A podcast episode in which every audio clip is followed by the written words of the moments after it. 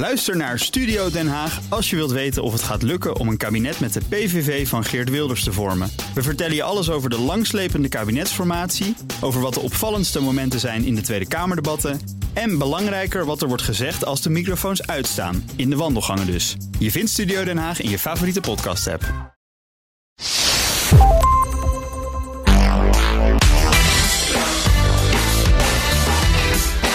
Welkom bij een wel heel bijzondere aflevering van de Ben Tichelaar podcast. Dit is namelijk mijn honderdste gesprek en om dat te vieren is er iemand uitgenodigd die ik enorm bewonder. Het is een totale verrassing voor mij, want hij is hier net zojuist de studio ingestapt. Ik wist niet dat hij mijn gast zou zijn. De grootvader van de Nederlandse radio, Frits Spits. Dag Ben, gefeliciteerd met je honderdste podcast. Uh, weet je nog wie je eerste gast was? dat was Bertolt Gunster, was dat. En waarom had je die uitgekozen? Ja, meerdere redenen. Ik dacht, nou ja, Bertolt kan leuk vertellen. En uh, dat omdenken, dat is heel erg populair. En dat, uh, dan gaan misschien mensen ook wel luisteren naar mijn podcast, dacht ik. Zo een beetje opportunistisch. Ja, en wat is omdenken? Omdenken, dat is dat je iets um, pakt wat eigenlijk misschien in eerste instantie niet gunstig lijkt. En dat je dat gaat proberen tot een voordeel om te buigen. Dat is een van de manieren. Maar het gaat erom dat je in ieder geval niet op de ge geëikte manier naar dingen kijkt. Maar en anders. is dat binnen bedrijf of uh, mag dat ook erg? Mag, mag, mag ook zijn. in het gezin zijn. Het mag ook in het gezin dat je als, zijn. Als, als, huisvader zegt ik ga nu omdenken. Ja, ja, dat zou ik wat vaker moeten doen, maar dat kan wel. Ja, ja, ja. oké, okay, dat zou je, zou je zelf moeten doen. Want je hebt. Uh, Waar woon jij hier in Amsterdam? Nee, in Soest. In Soest. Ik, ik, heb wel in Amsterdam gewoond, een aantal Aha. jaren. Maar uiteindelijk zijn we via wat omzwervingen met ons gezin in Soest beland. Met uh, mijn lieve vrouw Ingrid en vier dochters. Vier dochters. Schitterend. Ja. Hoe oud is de oudste? De oudste is 27 en die gaat bijna bevallen van de eerste kleinzoon. Eerste kleinkind. Ja. En dat betekent dus dat je heel jong vader bent geworden. Ja, daar komt het wel op neer. Ja, ja. Want hoe oud was je? Ik was uh, 26. Ja, ja, ja. ja, ja. ja ik, ik ook. Nee, nee, 27. nee, nee, ik was 25 zelfs. Ik reek even snel. Maria is van 94, ik was 25. Ja. ja, ik was 27 toen mijn oudste zoon werd geboren. Ja, ja dus dat betekent dat jij ook het worden van grootvader waarschijnlijk al een paar keer hebt meegemaakt. Ja, ik ben uh, toevallig gisteren voor de zesde maal grootvader geworden. Opa. Voor de zesde keer, ja. Ja, en uh, bloemen. En toen ik het kleine meisje in mijn armen had, toen realiseerde ik me meteen weer uh, hoe, hoe, je onmiddellijk van iemand houdt, onvoorwaardelijk, en hoe ze er meteen bij hoort. Dat, is, dat vind ik echt geweldig. Weet je nog hoe dat de eerste keer ging? Want daar moet ik me nu een beetje op voorbereiden. Precies hetzelfde. Dat, dat is, en ook bij je, bij je eerste kind natuurlijk. Ja, ja. Uh, dat is, ja, het geboren worden van kinderen, dat blijft een wonder. Ja. ja. We hebben het nu over grootvader worden opeens. Ja, ja, ja. Dat klinkt, maar tegelijkertijd ben jij nog gewoon een werkende man. En ik vind dat wel heel interessant. Het, op een of andere gekke manier, het gaat vaak over werk in deze podcast. Ja. Uh, heb ik bij jou altijd de indruk dat je niet erg werkt. Dat je gewoon doet waar je uh, gewoon ontzettend veel plezier in hebt. Dat, is, dat, dat laatste is waar, maar ik werk wel. Nee, want is, dat weet ik is, ook wel. Dat, dat, aan de achterkant komt er natuurlijk ja, heel veel bij kijken. Ja, om het goed want te doen. zeker de taalstaat, dat is een zeer arbeidsintensief programma. Waar ik uh, heel veel tijd in steek, maar ook met heel veel plezier. Omdat het, omdat het leuk is om over onze taal te spreken. Ja. Om het... Om, Zo'n programma was er gewoon nog niet. Om uh, de liefde voor onze taal uit te dragen. En uh, dat te delen met uh, al die andere mensen die ook van onze taal houden. En ze zich niet eens daar zo bewust van zijn. En wij, probeer, wij proberen met ons programma de taalverliefdheid wat te stimuleren. Ja. Aan de ene kant ben je natuurlijk radiomaker puur zang. En daar gaan we zo nog even over hebben. Ja. Daar wil ik echt een paar vragen over ja, stellen. Nee, goed. Nu, nu je er toch bent. Ja, ja, ja, ja. Grijp je kans. Maar uh, de Nederlandse taal, dat is ook altijd een liefde van je geweest. Je hebt Nederlands gestudeerd. Ja, um, uh, ik begon eigenlijk met economie. Dat zal je aanspreken. Maar dat was niet precies de studie die ik mooi vond. En toen hadden we, ik was lid van het Amsterdam Studentenkoor. Ik was lid van een uh, vereniging. En een culturele uh, dispuut was dat. En, en die organiseerde poëzieavondjes. En, uh, daar werd dat dus, deden ze toen nog, zeg ik ja, maar even dat, bij. Ja, toen nog wel, ja. ja. En uh, er was één avond dat er gedichten werden voorgelezen. Dat vond ik zo mooi. En toen dacht ik, wat doe ik met dat economie? Ik ga Nederlands studeren. En dat was een soort, uh, soort ontdekking. Ja. En, en ook een geluksgevoel toen ik dat hoorde. En toen wist ik eigenlijk wat ik wel wilde.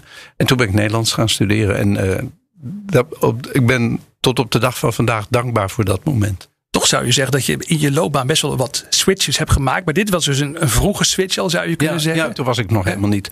Toen, toen draaide ik wel plaatjes in een discotheek. En uh, dat vond ik wel leuk. Maar uh, ja, ik dacht toch... Uh, ja, dat duurt, dat duurt niet mijn hele leven. maar je, dat, nee, kan je, maar dat kan is je dus, brood niet mee verdienen. Nu ja. terugkijkend is dat dus mijn hele leven. Ja. Toen heb je een aantal jaar volgens mij voor de klas gestaan. Ja, ik heb drie jaar uh, uh, heb ik les gegeven op een HAVO in Eindhoven.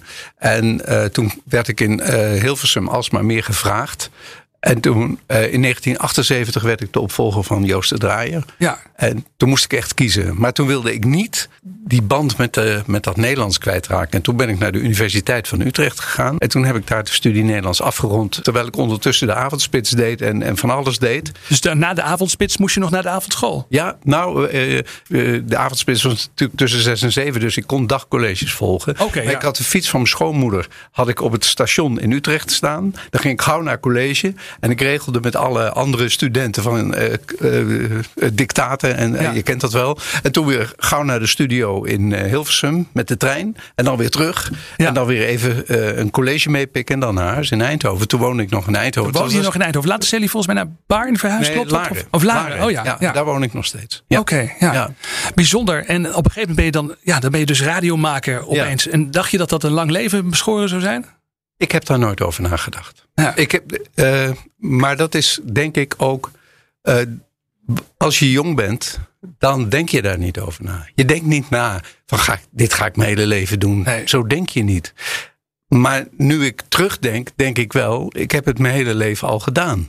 En uh, ik heb er nooit spijt van gehad. Ik vind het het mooiste wat, wat me heeft, is kunnen overkomen, even naast mijn persoonlijke ja. uh, uh, gebeurtenissen die natuurlijk uh, kinderen en, en, en dat soort dingen. Maar uh, in mijn werk is dat, uh, dat ik die radio, maar dat had ik als kind al, dat vond ik een fantastisch medium. Wat, wat maakt dat zo mooi? Hè? Waar, waarom is dat radiovak zo. Uh, ja. omdat, omdat je met, met je woorden, met je taal, een wereld kunt creëren voor de luisteraar. En de luisteraar kan daar zijn eigen wereld van maken. Als je naar televisie kijkt, dan, dan is dat heel dwingend, want dat is de wereld die de televisiemaker jou wil laten zien. Je hebt geen gelegenheid meer om iets anders te bedenken Nee. ondertussen. Je moet het vergelijken met het stripverhaal en het boek. Als je een boek leest, dan, dan heb je, je je eigen voorstellingen bij. En zo is het bij radio ook. En dat vind ik mooi. Ik, ik ben nog steeds gek op radio en ik hou enorm van ook andere. Ik, ik luister ook heel veel. Ja. Ik luister veel meer naar de radio dan ik naar de televisie kijk. Kijk er zit zekere minder magie televisie. in. Hè? Het, het, het, Het is de, de magie. En het is ook Ja. leuk als je, als je weer nieuwe, nieuwe eh, eh, presentatoren. eh, Wouter Bouwman is een nieuwe jongen van de, van de BNN Vara. Dat is een heel groot talent en dat hoor je gewoon. Die, Ja. die houdt, die houdt ik, ken die, al- ik ken die man helemaal niet, maar die houdt van radio. Dat hoor je gewoon. En, dat, ja, en als je dat ontdekt, het gaat gewoon door. Dat is prachtig. En als je dat in je werk ontdekt, dan hoef je er ook verder niet meer over na te denken. Of dat je loopbaan voor altijd moet zijn of wat dan ook. Maar dan is het gewoon. Ik heb daar niet over nagedacht. Nee, en dat, nee. dat moet je denk ik ook niet als je dit vak doet. Want ehm, je moet bezig zijn met je programma. Het gaat er gewoon om om je programma zo goed mogelijk te maken. Om het zo, eh, zo te maken dat de luisteraar steeds weer wil blijven luisteren. Daar gaat het om. Ja. Het gaat niet om mijn carrière. Dat dat interesseert vind me helemaal heel niet. interessant. Hè? Want dat voor heel veel mensen geldt natuurlijk dat de, de bijvangst van het werk wat ze doen. Dus eh, geld of roem of een bepaalde status. Dat dat dus op een gegeven moment soms een beetje eh, nou Nou ja, de, mensen- kan overnemen. Binnen een bedrijf kan ik me dat voorstellen. Als je denkt, ik heb heel veel eh, talent en ik word alsmaar niet eh, tot, eh, tot eh, eh, onderdirecteur benoemd. Of in de raad van bestuur of weet ik veel hoe al die, organisa al die eh, eh, eh, zaken heten. Maar in, in, in dit vak, in dit vak, in dit radiovak is een creatief vak. En je moet zorgen dat je vernieuwt. En dat je, dat je voor het programma werkt. Je moet niet voor jezelf werken. Dat, dat- mezelf, of ik beroemd ben, dat kan me echt niet schelen. Maar het gaat je om je luisteren. het gaat- je ook om het product. Gewoon, Ja, het gewoon gaat om wat ik maak. Ja, ik wil iets moois maken. Ja. En eh, soms lukt dat. En eh, ook heel vaak niet. To- Toch heb je eh, onderweg in je loopbaan ook wel eens een keer een uitstapje gemaakt. Bijvoorbeeld naar tv. Ja, klopt. Ja. En ik heb dat boek eh, 60 strepen voor jou. Dat ligt nu bij mij op het nachtkastje. Aha, daarin, dat is mijn eerste boek. ja, daarin, daar, toen was je ook 60 geworden, denk ik. Neem Ja, ik aan. ja, ja. En dan heb je aan de hand van 60 liedjes. lood je eigenlijk de lezer door allerlei. Klopt. Ja, langs allerlei plekken. Ook in jouw leven. Maar ook al je hele gedachtenwereld komt eigenlijk wel mooi naar voren. Ja, ja. En dan beschrijf je ook dat je op een gegeven moment eh, toch je ertoe hebt laten verleiden. om eh, Ja. op tv. Wat was ook weer een nieuwsprogramma te gaan Eh, eh. Nieuwspits was Ja. dat. Eh, was op zich een heel leuk idee. Alleen ze hadden een andere presentator moeten vragen. Want ik, ik, ben, ik ben op de televisie gewoon niet goed. Omdat, omdat, je, omdat ik het niet in de hand heb. Kijk, bij radio sta je voor een microfoon. Je hebt het op je hoofd, je koptelefoon. Dat is je wereld. Zo staan we hier Dus nu ook. Ja. Zo staan we hier nu ook. En zo wordt het ook uitgezonden. Daar komt verder niks bij. Maar als je op de, bij de televisie, ik weet niet wel eens televisie hebt gedaan, maar er staan eh, vier cameramannen. Ja, ja. eh, er is een floor manager. Ja, en, eh, niks ten kwade van televisie. Maar ik werd daardoor afgeleid en het werd niet mijn programma. Ik, Snap ik, je? ik, word er altijd, ik ga daar krampachtig door eh, reageren. Ik herinner mij één zeer slecht televisieoptreden van mijzelf. dat snap ik. Wel Ja. meerdere, maar ik ben ooit een keer te gast geweest bij De Wereld Draait Door. En toen, eh, toen merkte ik ook dat ik echt in een soort kramp schoot. En Ja. dan probeer je nog een beetje spontaan en leuk te doen. Maar dat is best moeilijk in de Ja, echt. nou ja, je moet. Je moet je, ik heb er nou geen last meer van, maar vroeger ook als ik op televisie moest komen, werd ik al bloednerveus. Eh, maar als je je eigen programma maakt. eh, en, en je eigen programma wordt eigenlijk van je afgenomen. Je bent als presentator een onderdeel van een heel groot geheel. Als je nu naar die talkshows kijkt, waar heel veel presentatoren eh, de vragen voorlezen die door anderen zijn geschreven, dat merk je gewoon. Ja. Je, je, als het over een boek gaat, hebben ze heel vaak volgens mij het boek niet gelezen. Want dat hoor je onmiddellijk. Het is dus niet echt hun programma. Kijk, bij Matthijs van Nieuwkerk, dat was echt zijn programma. Daarom was het zo goed. Ja. En dat kun je nou weer op, op eh, zaterdagavond weer zien. In dat Matthijs draait door. Dat is zijn programma. Dat is zoals hij het ziet. Je kunt het ook hij misschien de wel baas. Ja, maar je kunt dat misschien ook wel vertalen naar werk in het algemeen. Dat, dat heel veel mensen uiteindelijk best wel ergens voor, gepassioneerd voor zijn. Ja. Echt het werk wat ze doen Ja. ook echt de moeite waard Maar worden gefrustreerd door de omgeving. Precies. Dat En- er en ik- allerlei dingen omheen worden Ja, georganiseerd. en ik denk, ik denk dat het heel belangrijk is dat ook werkgevers bedenken dat er heel veel mensen zijn met heel veel talent en heel veel passie. Maar dat je ze ook de vrijheid moet geven en het idee moet geven dat ze goed zijn. Dat je ze niet steeds moet zeggen van wat niet deugt, je moet zeggen wat wel deugt. Ja. En, en eh, ik vind nog altijd eh, programma's, ook op de radio eh, en ook op de televisie, waarin je merkt, ze, ze hebben het zelf bedacht. Dat, dat vind ik altijd het leukste. En dat merk ik. Coat en Bie bedachten het zelf. Ja. Het was hun programma. Zijn er momenten geweest in jouw loopbaan waar je, als je er nu op terugkijkt, van denkt, nou, dat had ik echt anders moeten doen? Dat, dat het echt een beetje anders ging dan je had gehoopt? Of Nou ja, dat televisieprogramma, dat vond ik mezelf eh, achteraf absoluut niet geschikt voor. Ehm, ik heb ook wel eens een keer een, een, een enkel programma gedaan op radio. Nee, daar hadden ze me voor gevraagd, voor Radio 4. Ik zei, dat moet ik niet doen, want ik, ik, ik weet veel te weinig van klassieke muziek. Dus ik ga niet iets doen wat ik niet kan. Nee, ik heb eigenlijk geen programma's gemaakt waarvan ik achteraf. Ik, nee, ik vind ook alles leuk van radio. Ja. Hè? Of het nou muziek is, of gesproken woord, of sport, of cultuur. Ja. Ik vind het allemaal fantastisch. hoe, hoe is het na dat tv-programma weer goed gekomen? Want volgens Ik mij ben- was dat iemand ben- anders die heeft jou teruggevraagd. Ja, ja eh, Willem van Beuskom. Die was Ja. toen eh, baas van de NOS. Die kwam ik tegen. En zei: Zou je niet weer gewoon bij de radio moeten komen? Die, zag, die zag jou lijden op tv. Ja, ja eh, nou, toen was, toen- was ik even bij Joop van den Ende zelfs als een soort producer. Maar bij, bij TV 10 ben ik Oh ja, geweest. ja, dat is ook nog waar. Maar Ja. ja, dat was een buitengewoon gezellige onderneming. Maar dat ging helemaal mis, zoals je je herinnert. En toen kwam ik hem tegen bij een receptie. En toen raakten we aan de praat. En toen, en, en, en toen zei hij... Het lijkt mij goed als jij weer terugkomt naar de radio. Ja. En daar ben ik hem nog altijd eh, dankbaar voor. Willem leeft helaas niet meer, maar was een hele goede vriend van me. Die is in eh, 2006 overleden. Ja. Jij hebt persoonlijk ook heel veel dingen meegemaakt. eh, daar schrijf je ook over. Je bent echt ook schrijver geworden. In 2018 is jouw vrouw overleden. Ja. Daar heb je uitgebreid over geschreven, uitgebreid Ja. over gesproken. Ik vond het ontzettend ja, kwetsbaar. Is het ook. Maar als je zoiets overkomt, Ben, dat was mijn, mijn grote liefde en mijn jeugdliefde. ehm, eh, dan, dan probeer je grip te krijgen op wat je is overkomen. Ja. En eh, de enige manier waarop ik grip krijg, blijkt, is om op te schrijven wat ik precies voel. En eh, daar hoort altijd muziek mee bij mij. Dus eh, als je naar de taalstaat luistert, dat kan je niet, want je zit zelf op de radio. Maar dat is niet live hoor. Dus Nee, ik nee, luister nee, stiekem niet naar mijn eigen podcast. maar Ik luister dan naar de taalstaat. Maar dan weet je dat ik ook muziek draai, Nederlandstalige muziek. En eh, ik heb toen, eh, toen Greetje overleed, mijn vrouw, heb ik gedacht, ik wil liedjes uitkiezen waarin die nog niet zo overbekend zijn, die niet al vol zijn met herinneringen. Ik zeg, waar, waar, waar, die ik aan haar kan haken. Ja. En eh, dat is geworden Alles lijkt zoals het was. Het titelsong geschreven door eh, Frank Boeien, wat heel erg mooi is geworden. En ik heb dus nu een soort vervolg geschreven. Die, en dat komt uit op 26 oktober. Ja. En dat geeft je dus grip ook op Ja, moeilijke dat is- processen dat is- van dat rouw is- of verdriet. Of, Ja, Ja. nou ja, rouw. ik- Kijk, het is nu drie jaar later is dat natuurlijk anders. Dat verandert in de loop der jaren. Maar eh, eh, schrijven, ik vind het fantastisch om te doen. Ik noem mijzelf geen schrijver overigens. Als je Hermans hebt gelezen, of Moelisch, of Wolkers, of eh, Reven, dan noem ik mezelf geen schrijver. Maar ik schrijf wel. En ik vind het, ik vind het fantastisch om te schrijven. Ja. Hè?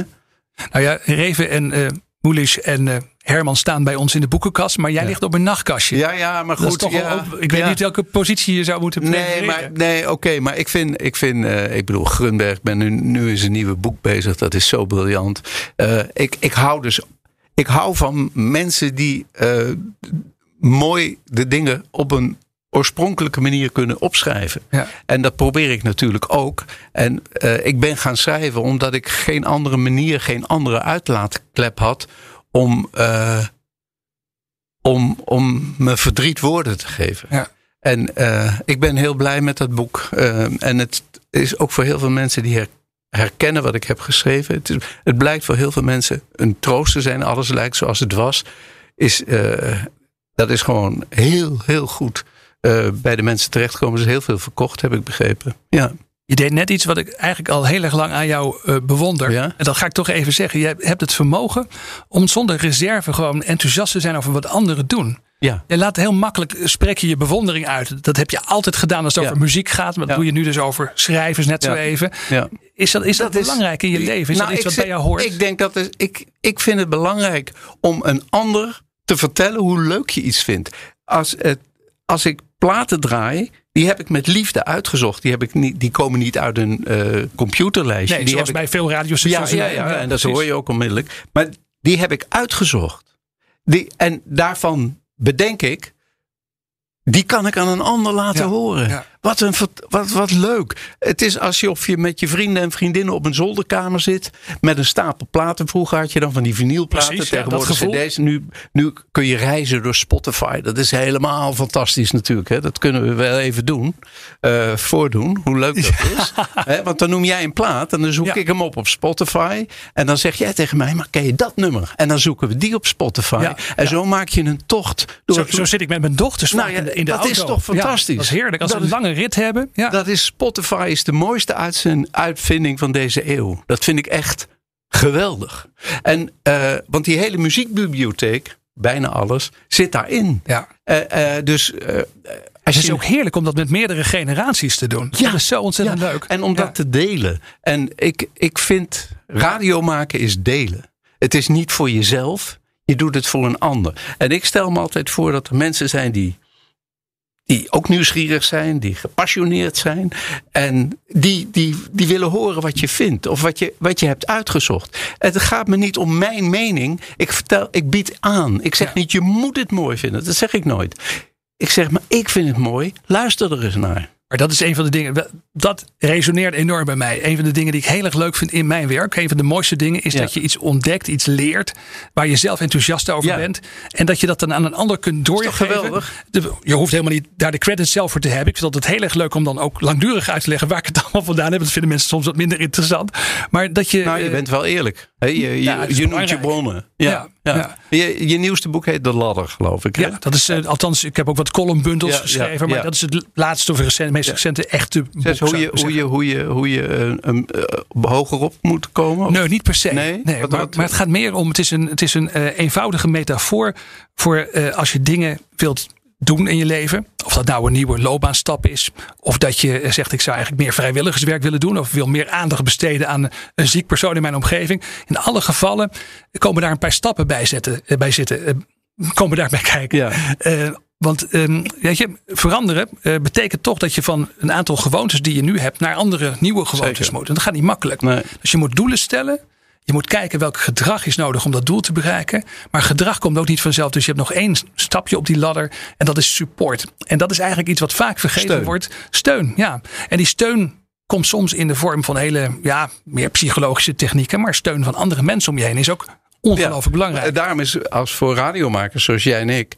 Eh, is het heel belangrijk dat je respons krijgt, natuurlijk van de mensen die naar je luisteren. Hè, dus eh, er wordt gemaild, eh, de, we, we, krijgen, we krijgen berichten op Facebook en op Twitter. En, en dan merk je gewoon, oh, ah, er, is, er is beweging. Er is, er is, en, en dat is, bij de avondspits had ik dat, met de poplimerick bijvoorbeeld, hadden we iedere dag hadden we zulke stapels, ja. toen nog brieven. Of, zulke stapels, en dan gaat dus nu, die nou, gaat een halve meter de lucht nou, Een halve meter is, on, maar zo, zo, het was echt zo. Het was ongelooflijk. Echt ongelooflijk. Ja, en uh, ja, dat waren magische jaren natuurlijk. Als we het over de avondspits hebben, dan komen we weer terug bij het onderwerp muziek. Daar hebben we het nog helemaal niet zo uitgebreid over gehad. Ja. even net over Spotify. Ja. Maar muziek is natuurlijk dat is een rode draad in jouw leven. Wat luister jij op dit moment? Op dit moment, uh, dat komt omdat mijn nieuwe boek Mijn West Side Story heet. En dat vind ik het allermooiste wat ooit is gemaakt. Dat vind ik echt, echt, er is nooit iets mooiers gemaakt. Dat bedoel je gewoon de muziek uit de film, hè? De, uit de film. Uit de ja, film. Ja, Leonard Bernstein. Uh, Bernstein is het. Bernstein, echt waar? Ja, het is oh, Bernstein, ja. Altijd verkeerd gezegd. Ja, ik ook. Maar het is Bernstein. Sinds ik zijn biografie heb gelezen, is Bernstein.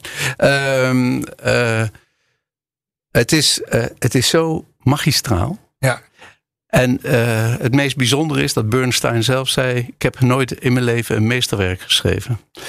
En dat is dat is toch wel. Uh, ik ga niet alles vertellen wat er in mijn boek staat, maar dat is toch wel opmerkelijk. Er, maar, komt, er komt een nieuwe versie, hè, geloof ik, van Steven ja, Spielberg. Steven Spielberg, die is klaar. Heb je er iets van gezien? Nee, maar uh, ja, de trailer, nou, die is te gek. Die is heel mooi. Ja, fantastisch. Maar uh, ik, ik, ik, bekeek hem, ik dacht, dit is gewoon de film uit de jaren zestig. Nog een keer, maar dan met maar, nieuwe technieken. Ja, met nieuwe technieken, sneller, denk ik. Maar het verhaal, het verhaal is natuurlijk Romeo en Julia. Het verhaal is de liefde. En ja, ik persoonlijk vind dat het enige wat er werkelijk toe doet in dit leven. Ja, weet je hoe onze oudste dochter heet? Nee. Maria. Ja, dat is mooi. Kom wel een beetje door dat liedje. Stiekem, ja, stiekem ook. Ja. Maar eh, dus ik heb, mijn boek heet Mijn West Side Story. En uh, dat komt 26 oktober uit. En daarin uh, praat ik met Leonard Bernstein. Hoe? Ja, ik, dat kan ik allemaal nog niet vertellen. Maar, en ik voer mijn West Side Story voor hem op. Oké.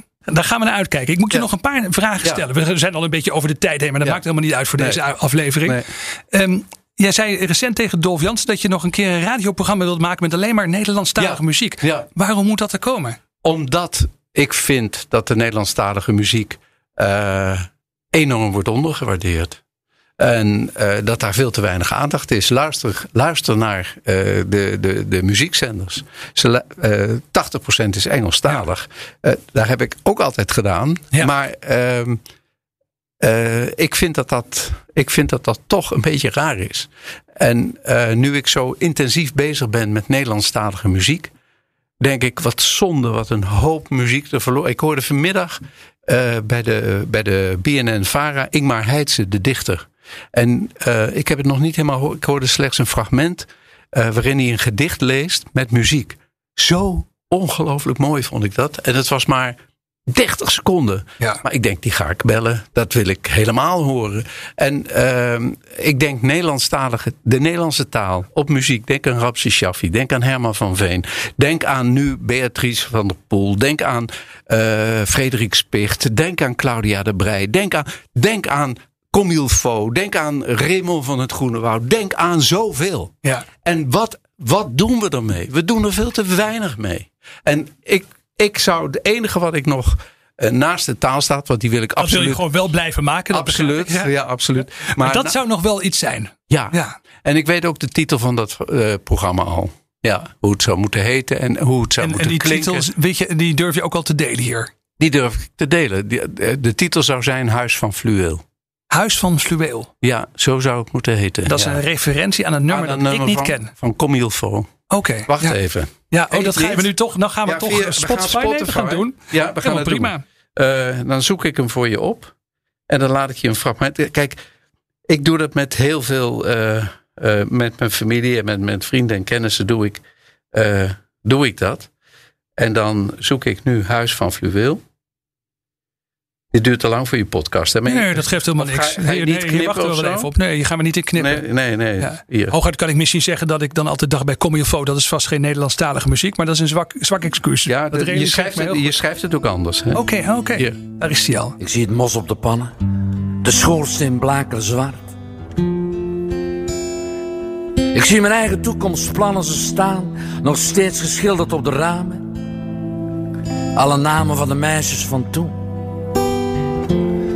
En ook de dingen die we samen gingen doen. En ik weet, het was altijd daar, diep van binnen als een verborgen juweel. Het oude huis van fluweel.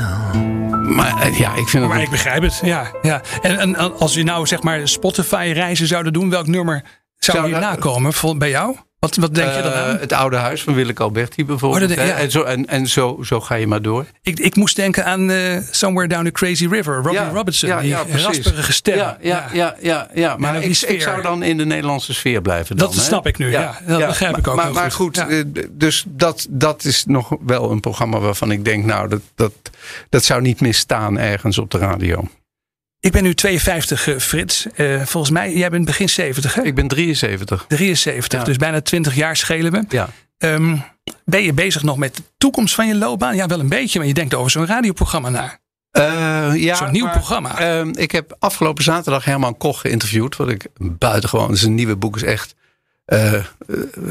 lees het. Ja. Een film met Sophia.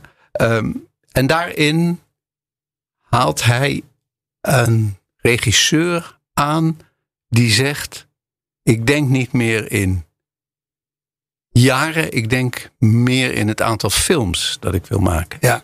En ik denk, ik denk dat is een goeie. Ik denk in het aantal programma's dat ik nog zou willen maken. En dat, er, dat het leven eindig is, dat weet ik. En eh, daar loop ik ook niet voor weg. Dat is nu eenmaal zo. Maar als je nu kunt bedenken dat je eh, creatief kunt blijven. En dat Mhm. je, dan lijkt me dat een, dat vind ik een mooie gedachte. Ja. ja. En, en, en ik ben ook al een beetje van de tips, dus ik ga je aan het einde toch een tip vragen. Ook Ja, al is goed. Zou dit een heel mooi voor een, een doorgewinterde radio maken dan ik, zou dit een heel mooi einde zijn. Maar Ja. dan wil ik dan toch nog één ding vragen aan Ja, jou. ja. Ehm, als ik over twintig jaar, maar misschien ook luisteraars die dit horen, nog zo bevlogen aan het werk zou willen zijn. De, de, de bevlogenheid die jij in zo'n kort half uurtje, een half uurtje wat we met elkaar hebben, toch weer meteen laat merken eh, voor Nederlandse muziek, voor mooie boeken. Nou, voor, eigenlijk voor al die dingen die je bewondert en fijn Ja. vindt. Als je nog zo bevlogen aan het werk wilt zijn, ook over twintig jaar als 52-jarige, wat moet je dan doen? Houden van het leven. En houden van. eh, het klinkt een beetje week misschien, maar ik bedoel het wel zo. Probeer. eh, probeer de liefde centraal te stellen in je leven. En probeer zoveel mogelijk van de mensen met wie je werkt. eh, probeer ze te geven wat je zelf ooit hebt gekregen van je eigen vader en moeder. En wat je aan je eigen kinderen doorgeeft. En probeer dat centraal te stellen in, in je houding naar de samenleving. Ik denk dat we er dan een stuk beter voor staan. Dus als ik een tip zou mogen geven aan iedereen, probeer dat, probeer dat centraal te stellen. Daar gaat het om. Dat is het wezen van het leven. Dank voor dit mooie gesprek. Frits Spits, legendarisch radiomaker. Graag gedaan. Ja, jij zegt het, eh, Ben. Ik vond het heel erg leuk en gefeliciteerd. En ik hoop dat je nog heel veel podcasts zult kunnen maken.